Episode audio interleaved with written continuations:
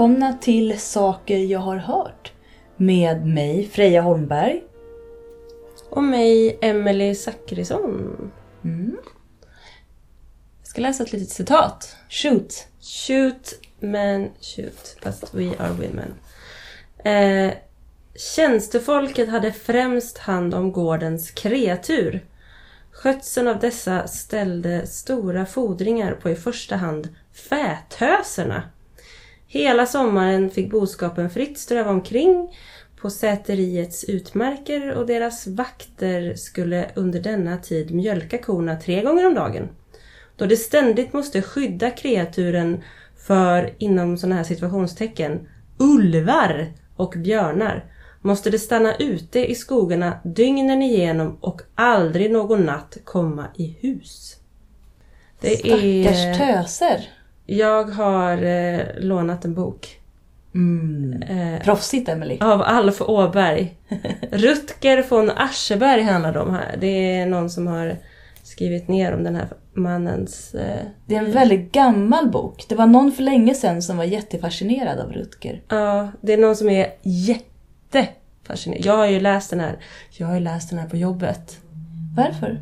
Jo, för att jag skulle läsa på inför eh, en aktivitet som vi hade i somras. Som handlar om Rutger. Som inte handlar om Rutger. Men om man vill komma åt coola människor som har med Rutger att göra. Eller coola människor så får man liksom sk- skimma, man får liksom bada Sålla. genom Ja. hyllning efter hyllning av denna man. Han var militär. Eh, flyttade till Sverige. Tog med sig en eh, 17 år yngre fru. Vad bra. Som hette Maria Eleonora.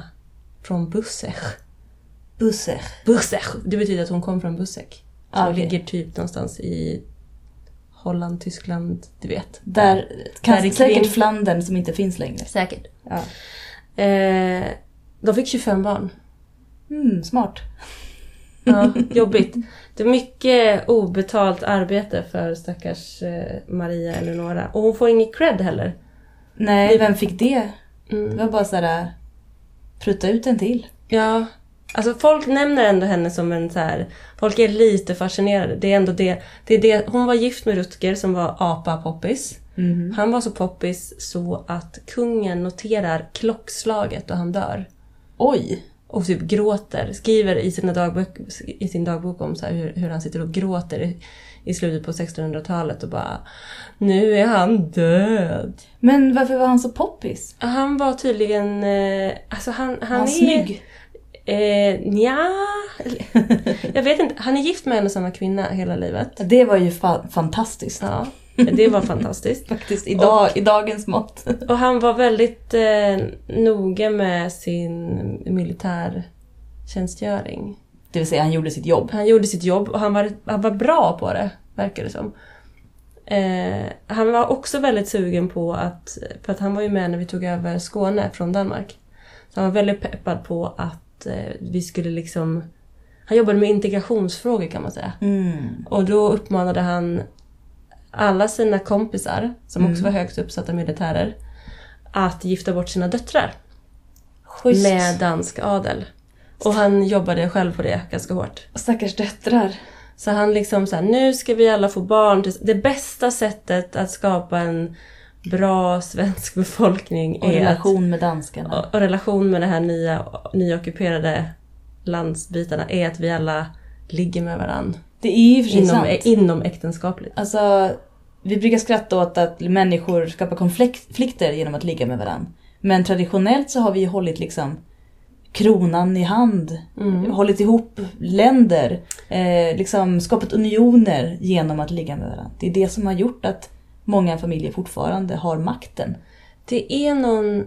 Jag tror... Det, jag kommer inte ihåg vilken av de brittiska drottningarna är. Victoria. Victoria är Ja. Vi har nämnt henne kanske förut. Att Ja. hon gifte bort alla sina, Döttrar ja. alla sina döttrar. Även, jag tror även tvingade iväg sina Ja, söner. ja, ja. Alla skulle bort. Alla utom då kron, kronarvingen. Japp. Som antagligen var en prins. Men åter till Rutger. Åter till Rutger, åter till ämnet. Eh, de här fätöserna. Mm. Jag Som läste- omskrivs i boken om honom ska vi säga Så också. om, precis, han beskriv, här beskrivs liksom lite folk som har jobbat för honom. För förutom att han då hade eh, jättemycket militärtjänstgöring och åkte kors och tvärs till olika slag och eh, åkte runt och inspekterade folk som tränade för att bli soldater och så. Så hade han diverse gårdar. Så han var ju, han var ju en stor eh, arbetsgivare kan man säga. Mm, en godsägare. En godsägare, en säter, det nämns ju de här säterierna. Han eh, hyrde mark av kronan, av kungen, eller av kronan är, känns ännu bättre. Ja. Regenten. Eh, och på de markerna så hyrde han i sin tur ut den till olika bönder. Men hade också en massa tjänstefolk. Eh, och en massa djur uppenbarligen. Och de var ju... Jag skulle säga att de här fäthusen tjänade nog inte många slantar. Om de ens tjänar något. Om de, ens, Nånt. de hade nog uppehälle, alltså det var liksom så Ja. här. Här får du mat och inte husrum. Här får du mat och du får bo utomhus halva året. I regn, Eh, i regn. och kyla. Och ulvar och björnar. Jag ser också framför mig hur den här lilla liksom, taniga jäntan Mm. springer runt där i sin typ trasiga klänning i skogen och försöker skrämma bort en björn bland alla kor. Jag tänker att Vad skulle hon, hon göra om det kom en ulv? jag tänker att hon är så beväpnad på något sätt. Med Eh, sitt, sina naglar. nej men med något, med något spjut. Säkert ett spjut. Så, for, så fort man läser, för vi har ju tidigare nämnt Postpojkarna. Post, postpojkarna, Mm. eller postbarnen. Att de fick ett spjut med sig. Jag tänker att det är liksom ett väldigt så handgripligt vapen. Mm. Och Också så- lätt att göra själv, tälja ett spjut. Ja, jag undrar också vad som, om det nu var så att det kom björnar eller en flock med ulvar, det vill säga vargar. Och hon klättrar upp i ett träd och, och de äter upp alla djuren. Hur mycket skit fick hon då? Ja, då blev hon antagligen uppäten också. Ja. Ja. En annan... Av, En, vi menar, herren. uppe, ja precis. Ja, Utschasad. precis. Ja. Nej, jag tror att hon, de här djuren var ju hennes, eh, ja, hennes överlevnad. Så jag tror att hon försvarade dem med sitt liv. Ja, och vi pratar om jobb idag. Vi pratar om jobb. För ett annat, ett annat eh, jobb och en rättelse. Mm. Den kom, apropå att Ars, Ascheberg, han är ju stor här i Göteborg. Han bodde här i Göteborg på 1600-talet. Med alla sina barn. Nej, de var ganska stora då. Skitsamma. Mm. Han var ju kompis med kungen och i förra avsnittet så blandade jag ihop det lite. Kungaordningen brast. Kungalänken satt inte som ett smäck i mitt inre. Oh. Jag fick för mig att Karl den trettonde var före Gustav den tredje. Mm. Det var fel. Det var tvärtom. Jag tar tillbaka allt utom att Gustav den tredje var ett praktarsle. Mm. Eh, det var Adolf Fredrik som var innan. Och han finns avmålad på... Innan vem? innan Gustav tredje. Just det. Adolf Fredrik, lustig gubbe, hade inte så mycket koll på saker och ting. Finns avmålad på Gripsholms slott. Ja. Sen- Adolf Fredrik, lustig gubbe. Gustav tredje, praktarsle. Karl den trettonde öppnade frimurarna för kvinnorna. Re- Och sen stängdes det igen. relativt soft. Ja, Ja. snäll. Ja, Gustav tredje. Förklädd humanitär förkämpe. Japp. Men, och, men egentligen en envåldshärskande praktarsle. Pompös. Pompös jävel. Hatar sin familj. Men då har vi rättat det. Nu kan ni skriva ner det här i era anteckningsböcker. Ja. Emelie, en, kanske en av de få rättelser som kommer komma. Men Ja. jag kände att Vissa saker ska var- bara inte vara fel. Nej, och så var det faktiskt en lyssnare som, eh, som jag ha- hade kontakt med. Mm. Som talade till mig. Bra, ni får gärna kontakta oss och tala till oss och säga till exempel så här. Ni får inte prata illa om Gustav tredje.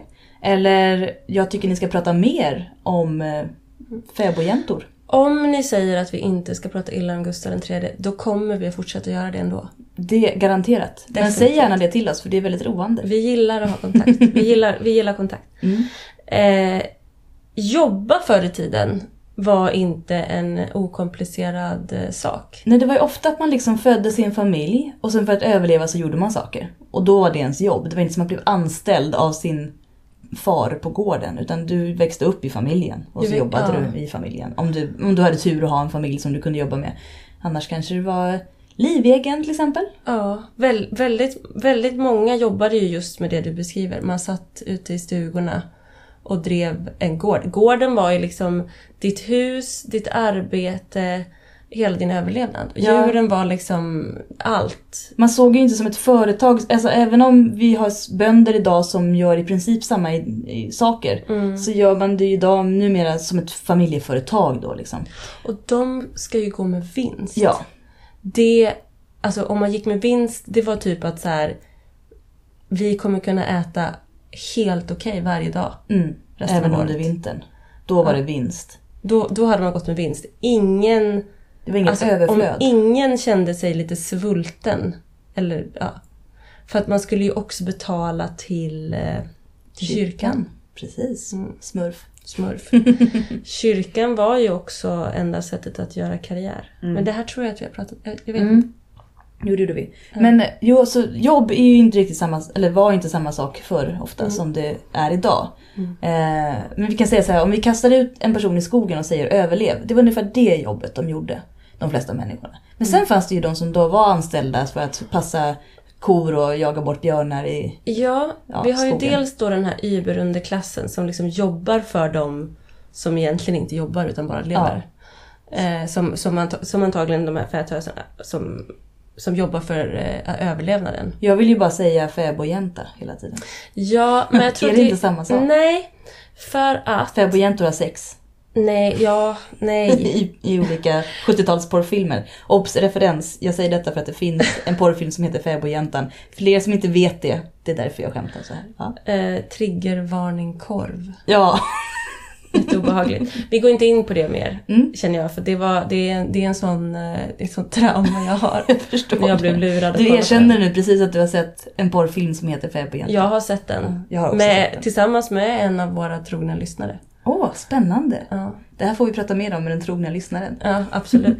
Fortsätt. Jag Ja. avbryter dig hela tiden Det är helt okej. Det, jag gillar det. Men jag vet att jag ställde frågan, vad är skillnaden Mm. på fäbodjänta och fäb... Jo. Vad var det? Så här är det ju att eh, en fäbod, Mm. det, den, det höll man ju på med kanske främst norröver som jag har förstått det. Mm. Att eh, man tog ut djuren till ett speciellt hus. Man liksom vandrade med djuren över fjäll. Jag är ju, har ju bott i Härjedalen och där har vi ju fäbodar. Betesmarken helt enkelt. Ja, man gick ju upp Ja. till fjälls liksom. Ja. Eller ja, inte upp på fjällen men i närheten. Lite Brokeback Mountain sådär. Ja, lite Brokeback Mountain men och beskrivs faktiskt också som som eh, ett, liksom ett kvinnoseparatistiskt... Oh. jag, jag lyssnade på en annan podd mm. som heter Va? Ny, Nyfiken Har, brun. har du lyssnat på en annan Ny, podd? nyfiken brun. Ja, ibland gör jag det. Oj. Jag lyssnar inte bara på vår egen. Shit. Jag visste inte det här, men tack för att du berättade. Och då berättar Sara Parkman som är en folkmusiker. Eh, jättecool. För att säga igen vad den hette. Nyfiken. Nyfiken brun. Mm. Mm, med Iki. Yes. Som heter Iki Gon- Gonzales. Gonzales. Mm. Precis. Eh, och Sara Parkman är där och berättar att, att fäbodjäntor de var ju uppe i, i, i fäbodarna. Och då kom man liksom undan från allt snubberi som pågick. Ja, det måste varit jävligt skönt alltså. Ja, Tänk dig vart du än går så är det någon som nyper i häcken och försöker supa ner dig. ja. Och smyger in i din halmbädd när du sover bland djuren. Och ska hålla på. Fy fan. Och för att inte tala om, tänker jag, på 1600 och 1700-talet när folk också höll på att häxjakta. Att bara kunna gå upp till fjälls och säga nu, nu är det bra. Lite häxpaus. Håll käften liksom. Men det är kanske där ryktena startas om häxerierna i och för sig. Nu har Emelie varit borta i en vecka. Vi ser att det ryker varje kväll. Vad gör ni egentligen där? Mm. Det är väl, kommer väldigt mycket mjölk från hennes kor. Ja. Och det kommer ingen mjölk från våran. Nej, det är lite Det- trolleri här Det tror är jag. mjölkkaren som har varit framme. Och suttat. Suttat. Ja. Men Eh, jag vet att du vill berätta någonting annat om Aschberg... Eh, vad var det? Ja, dotter? hans, hans eh, äldsta dotter, eller Ja. yngsta dotter blir det faktiskt. Det var inte många av hans barn som överlevde. Av de här 25 barnen så är det bara fyra som överlever honom. Shit. Och det är typ bara tre som blir till vuxen ålder. Det är därför man skaffar så många. Ja, varav ingen av dem är söner som överlever eh, till vuxen, alltså till, till äldre ålder om man säger så. De var väl och kriga och hade sig. Nej, nej, de blir sjuka. De är eh, Ja. sjukt dåliga på att överleva överhuvudtaget. Men han hade en dotter som faktiskt till och med historikerna hyllar lite grann. Mm. Och som typ säger så här, hon, hon ärvde det bästa av hans sinne liksom. Oh, wow. Hon eh, gifte såklart bort med en dansk. Såklart. En dansk eh, militär och så drar hon ut, eh, han är mil, ja, militär då. Och det betyder ju att man ja, men åker ut, det som, verkar vara som en här sinnessjuk festival. Ja. Festival utan band. Ja, bara Bara olika dåliga tält i regnet. olika dåliga campingar. Där, där man också, jag har jag också hört att det finns något som heter LOTA. Mm. Som man håller på med nu för tiden. Att man går in och så typ plundrar man folks kvarglömda tält. Det här ägnade sig folk om på redan på 1600 och Men vad fan 1700-talet. vad smart. Varför har jag inte gjort det på festival? Tack för Ja. tipset. Grejen är den att folk lotar ju ibland lite tidigt. Ah. Man lotar innan folk verkligen har dratt.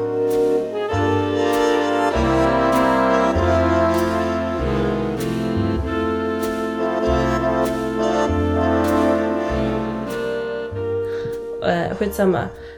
Den här, han, de behövde ju inte lota för de levde ju high life. Hon födde fyra barn i fält. Härligt. Hon har alltså fött fyra barn i tält. Föreställ er detta. Var på festival. I tält i fält. Ja. Alltså inte ett mysigt tält i skogen Nej. där göken utan snarare där folk skjuter varandra med kanoner i bakgrunden och fältskäraren sågar av ben. Ja, och det är folk som skriker och blöder överallt. Ja. Och du har varit ute i månader. ja. Allt är blött. Allt är lerigt. Allt är Och plötsligt ska du föda ett barn Ja. i det här trasiga Plöts- tältet. Plötsligt så ska ditt underliv öppna sig likt en köttros. Usch! Ja. Eh, förlåt, vi måste nog skriva något. Jag kan klippa bort det. I alla fall, efter att hon har fött de här fyra barnen och är någonstans i det dåvarande stortyska riket så dör hennes man. Typiskt män. Mm. Karl XII är kung i det här laget, det här är i början av 1700-talet. Vi har koll på kungarna. Eh, och hon skriver brev till honom och säger Hallå, nu är min man död, han var överste. Jag vill, jag vill bara få åka hem med mina kids. De är unga, de är små. Min, hennes äldsta son tror jag var typ fyra år eller någonting. Eh, kan inte jag bara få åka hem? Och då säger Karl XII nej. Det kan du inte. Du måste styra upp det där kompaniet eller vad det nu är hon har. För din man hade det här jobbet. För- och nu ja. har han dött så nu måste din äldste son ärva jobbet. Ja, men eftersom att han är fyra kan han inte mönstra in en massa folk. Jag älskar ändå kungens logik. Han Mm. det, det ska gå. Han har liksom eh, konsekvens och verkan här. Mannen är död, någon måste göra jobbet, barnet kan inte göra jobbet. Det får bli Margareta från Ascheberg som får Yes. bara step it up. Som sätter sig ner vid mönstringsbordet och typ mönstrar in 200 pers i någon sorts kompani. Och sen driver hon runt i x antal år. Eh, ute på den tyska vischan och krigar. Hon driver alltså runt som, vad kallas det för? Som överstinna. Överstinna. Ja, en av få Mm. i svensk historia. Och hon hyllas för att hon är jättebra på sitt jobb. Vilket inte brukar vara så bra. Man ska inte ta en snubbes jobb och göra det bra. Nej, För då bryter man mot normen. då är man häxa. Då är man häxa eller ond, som Margareta. Hvitfeldt som var ond. Ja. Eh, som, hon tjänade alldeles för mycket pengar. Så hon, och, och eh, usch, Vi vet ju vad som händer då. Ja, det går åt helvete. Utan, men den här kvinnan, hon, när hon väl får, får lägga ner sin krigsmantel åka hem. När hon är klar med eh, arbetet. Ja, Ja. då får hon åka hem och, och börja jobba med någonting. Då får hon börja, åka hem och börja jobba på deras fina gårdar. Mm. För de äger ju ett x antal gårdar som typ är i ruiner. Ja. Men hon styr upp dem Mm. eh, och, och blir då, man kan säga att hon blir typ som en egen företagare. En godsägare. Godsägare. Ja. Driver eh, diverse businesses med de här. Hyr ut mark och ja. Och tjänar asmycket pengar. Och då kommer hon på nyckeln till framgång som kvinna. Man ska ägna sig åt att hjälpa fattiga och sjuka. Ah. Vård. Då blir man accepterad också. Då blir man, då blir man helgonförklarad ja, nästan. visst. Så hon eh, öppnar sjukhus och det, det finns en beskrivning av henne som är från hennes, eh, när hon begravs, så finns det en så bevarad predikan om att vart hon än gick så hade hon ett följe av eh, typ ömkliga små människor som hon tog hand om och typ vårdade och baddade med små vita trasor. Nästa. så jävla fräscht. Ja. Eh, men det är spännande hur Mm. hon så här behåller sin status som, som dygdig kvinna, vägrar gifta om sig, Mm. har sina fyra kids eh, och ändå tar över en mans jobb. Och inte bli utskälld för det. Och inte blir bespottad av Det är det mest fascinerande tycker jag. Ja. Det, det finns ju de här två kvinnliga piraterna som ofta omskrivs. Vad heter de? Bunny and någonting. Bonnie and Clyde? Nej. Ja, jag vill ofta säga det. Men det. Eh, jag tror inte vi... Nej, jag vet inte. Mary and Bonnie. Jag, vet, jag minns inte vad de heter. Det var i alla fall två kvinnor som eh, klädde sig till män för att eh, kunna tjäna pengar. Mm. Och sen så hamnar de båda så småningom eh, som pirater och gifter sig med varsin pirat.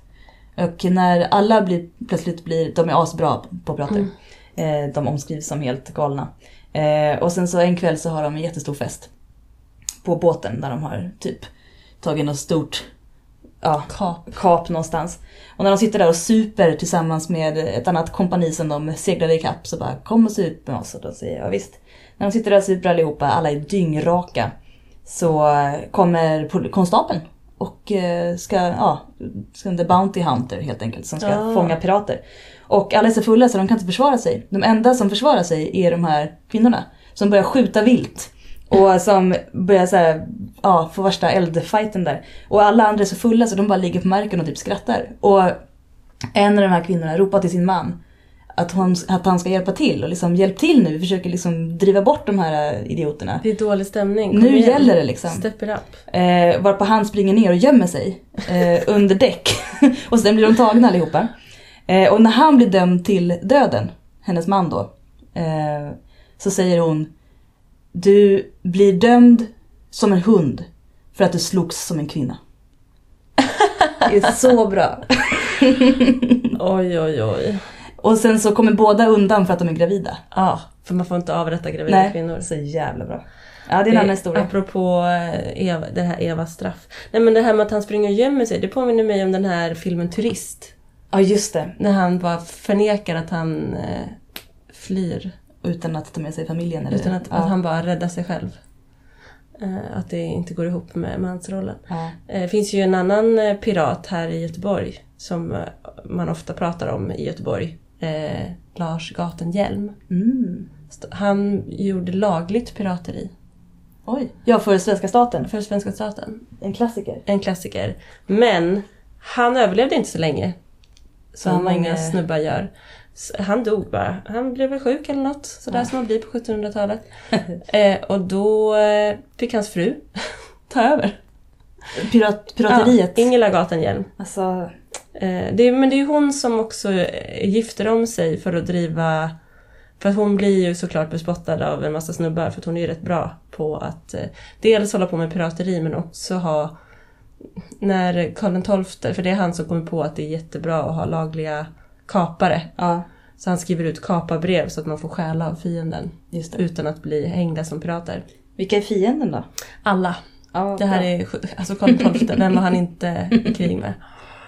Men eh, då i alla fall så ska, har de skaffat lite andra typ rederier och sådana grejer. Mm. Eh, men det är ju inte så bra för att hon är kvinna så då måste hon gifta sig. Då gifter hon sig med sin granne. Eh, men hon ägnar en väldigt stor del av sin förmögenhet när hon dör till att hon ska köpa en jättefin marmorkista till sig och sin första man. Så hon begravs bredvid sin första man.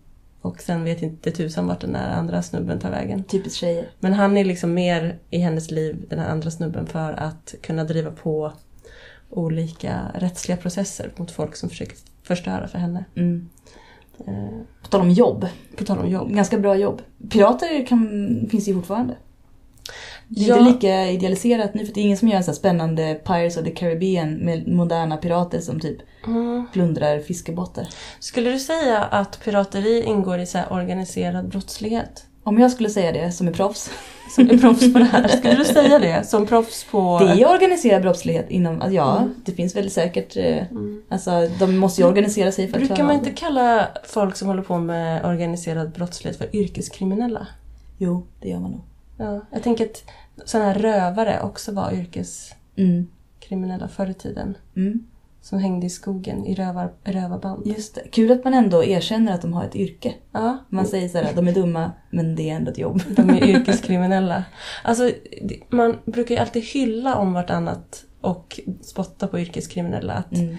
Dels att de har, de har så himla bra kommunikationsnät, apropå att vi tidigare pratade om kommunikation. Eh, För att vi kan aldrig någonsin komma ikapp deras sätt att förmedla och sin information och sina... Ja, Förutom när de gör det på Facebook. För Ja, förutom när de gör det på ett dåligt sätt. Men att vi också tycker att de är dåliga. Förlåt, jag hittade vad de hette. De här eh, piraterna. Ja. Eh, På den oerhört eh, troliga sidan. eh, våran eviga källa Wikipedia. Mm, vad härligt. Anne Bonny och Mary Reed. För er Okej. som vill forska om dessa queens. Mm. Eh, det spekuleras såklart i vilken typ av relation de har med varandra också. Men det kan vi inte uttala oss om, De kanske bara levde öppet och härligt och hade det bra. Jag tror det. Och så överlevde de sina snubbs. Ja. Det som dock inte yrkeskriminella har är ju så mycket trygghet. Mm, nej. Och eh, ett tryggt arbetsliv kan man ju fundera på hur länge det har funnits. Det är ju inte så länge. Inte så länge. Men eh, en viss, en viss kontroll kan man säga att arbetsmarknaden, att man hade på arbetsmarknaden. Och det var någonting som kallas för skrån. Just det.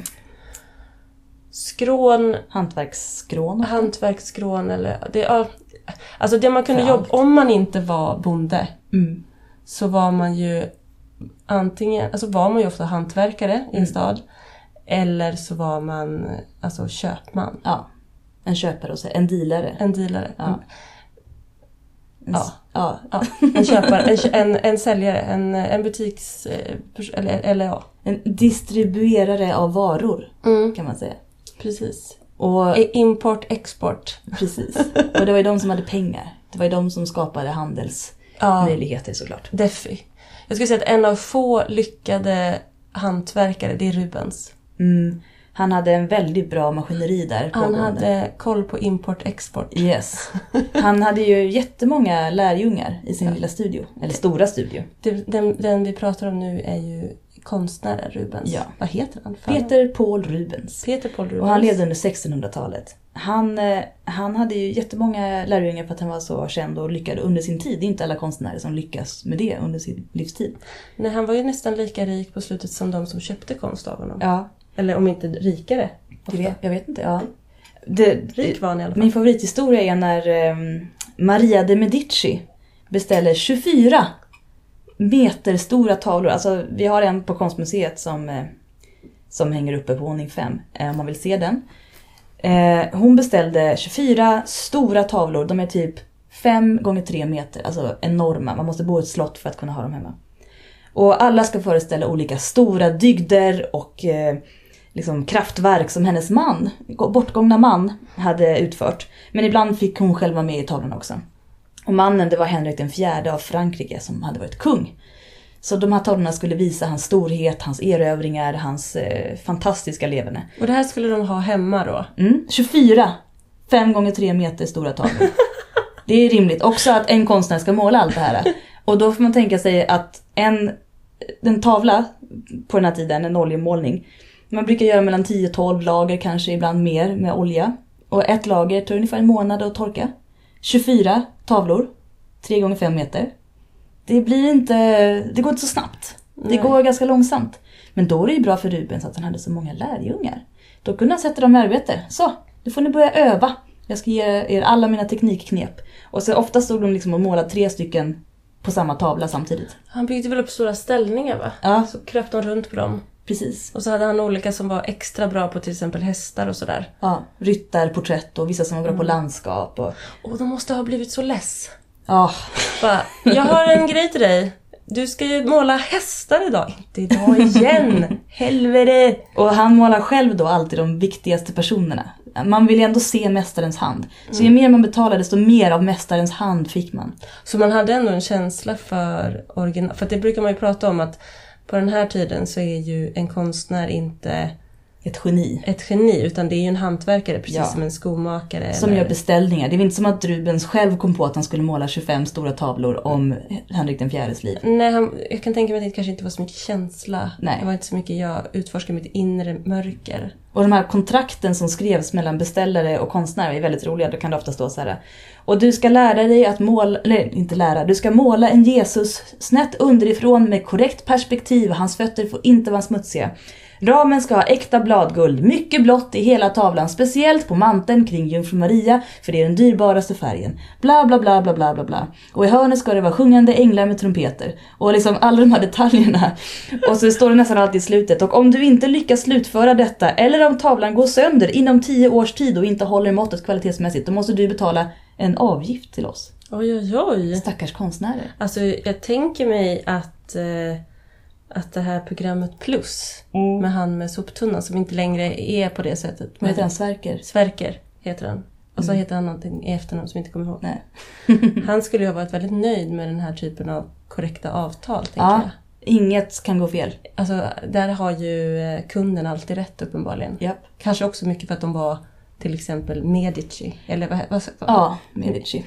Ja. Jag sa Medici. Medici. Jag Jag vet, inte hur, Stockholm. jag vet inte hur man säger Medici. Jag vet inte, jag tror man Medici. säga. Ja. Jag vet inte hur man säger det på italienska. Vi kanske måste googla sen hur man uttalar det. Ja. Kirsten Vi, vi kan Stewart. Kirsten Stewart. Skådespelare. Vi kan göra en länk till hur man uttalar Medici. Medici. Mm. Eh, ja, det var ju mycket snubbar som jobbade. Jag skulle Ja. säga att de flesta kvinnor jobbade inte som på det som var avlönade jobb. Nej, Man de kunde ju till exempel inte vara med i ett skrå. Eh, för eh, det, nej. Det Nej, kunde de, man inte. de fick inte. Nej. Nej. Eh, ett av de få faktiskt skråna som fanns en kort stund, det var om man blev eh, jordemor. Eller Hjälp. barnmorska. Ah. De, men de var ju extremt eh, bespottade av, av snubbsen. Varför då? För att de var ju sjukt läskiga. Det var ju ett, ett oerhört eh, kvinnoseparatistiskt sammanhang. Mm. Det var bara kvinnor där. Man skulle ju ha det här med, man skulle ha... Först och främst så skulle man ju ha jordemodern och hon hade två uppgifter. Dels att vara där som läkekunnig, Mm. men också vara där som liksom andlig och spirituell skyddsperson skydda mot onda makter. För när, när du då är öppen, likt en köttros, Japp. så kan det komma djävulskap Ja, och, därför och komma så- in där. och komma in överallt. Eh, Så därför så skulle man ju skydda hemmet. Eh, Och så skulle man ju ha jättemånga kvinnor på plats som också hade en massa erfarenhet helst. Yes. Ett så kallat kvinnogille. Mm. Eh, Och om man då hade en lyckad förlossning så gick de här kvinnogillena ut och härjade på gator och torg. Sp- Sprang in på pubbar och dansade på borden. Och De blev liksom män för en kväll. De blev princip. män för en kväll. Det blev som karneval. Upp Ja. var ner, svart var vitt. Kvinnorna var galna. Japp. Eh, jag vet inte vad som hände ifall det blev dålig stämning. Jag, jag hörde dig berätta om det här i ett annat tillfälle och då sa du att de brukade putta av hattarna av herrar som gick förbi. Ja, Jag tycker det är en jätterolig bild att tänka mig 1600-tals kvinnor gå och liksom snoppa hatten av män. ah, och bara så här, Ja, de, eh, Hatten var ju då ett, en maktsymbol. det var otroligt kränkande. Ja, ja. De sprang också in, det finns någon typ från Linköping, en historia hur de springer in och typ terroriserar en smed och stjäl hans sprit. Och typ häller i sig. Det är väldigt mycket sprit inblandat. Men i alla fall, jordemödrarna, de hade tagit skrå. Men sen tror jag att det blev förbjudet. Eh, för det fanns ju ingen arbetsmarknad riktigt för kvinnor. Mm. Utan du var ju gift. Och då, många till exempel eh, kvinnor höll ju på med sånt som skulle kallas kanske hantverk idag. Till exempel brygga öl. Det var ju Ja. kvinno, kvinnogöra. Ja.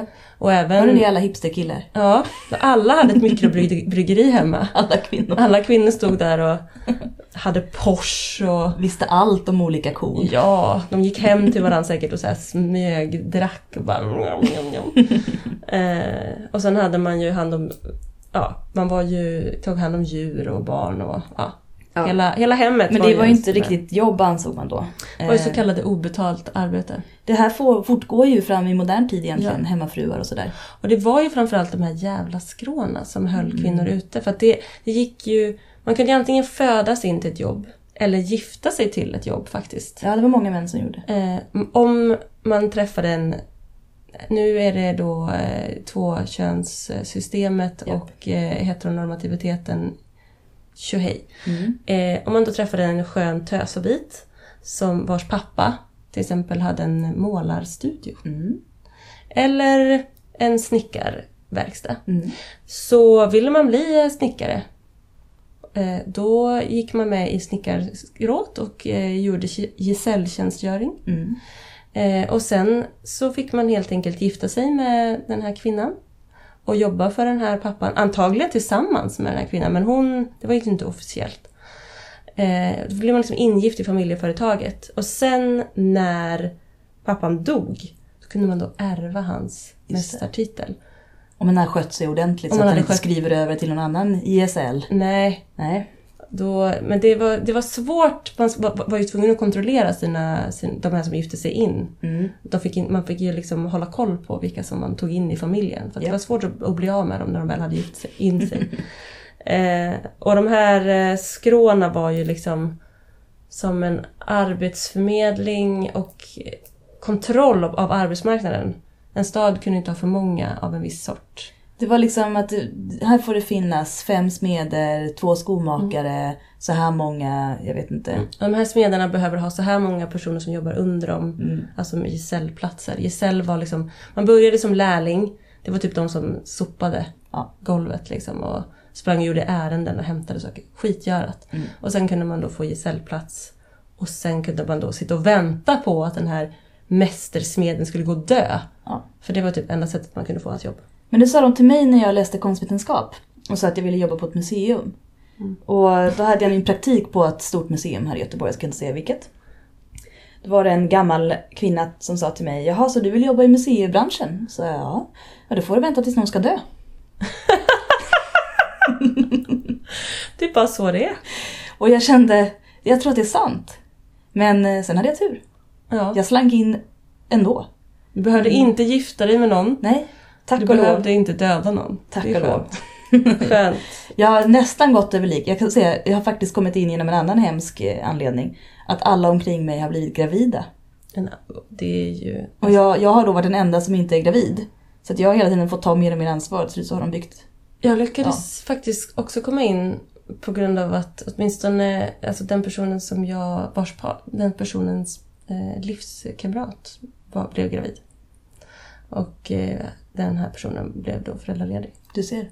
Och då fick jag jobb. Men sen, sen fick jag ju... Men då gör man sig oumbärlig. Personerna kommer ju tillbaka Ja, såklart. ja, absolut. Men då har man ändå visat vad man kan. Då har man tagit sig in över den lilla, lilla, lilla, lilla tröskeln som Ja. egentligen är som ett berg. Ja. Eh, ja, Ja, vad kan vi dra för slutsatser av det här då? Nu för tiden så har vi en annan typ av arbetsmarknad kan man säga. Vi håller inte på med eh, att folk ska vara ute dygnet runt och vakta djur i skogen Nej. beväpnade med kanske spjut eller sina naglar.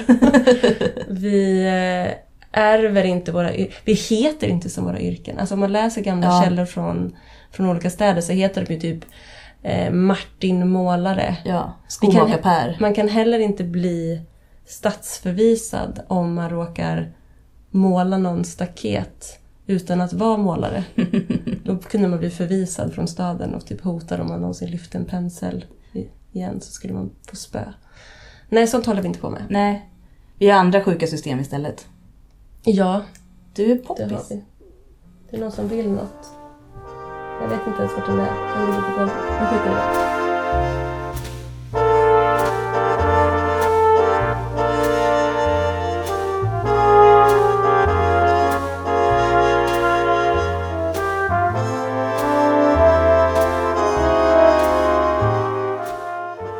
Välkomna tillbaka. Telefonen har slutat durra. Durra är förresten ett gotländskt ord som jag har lärt mig av mitt ex. Durra är ett väldigt bra ord. Det betyder vibrera. Fast det är mer beskrivande i sitt uttryck. Durra. Det är ett sånt där ord som pang till exempel. Ja, som härmar ljudet. Eller boom. Ja. Eller pip. Ja, eller pip. Att det piper.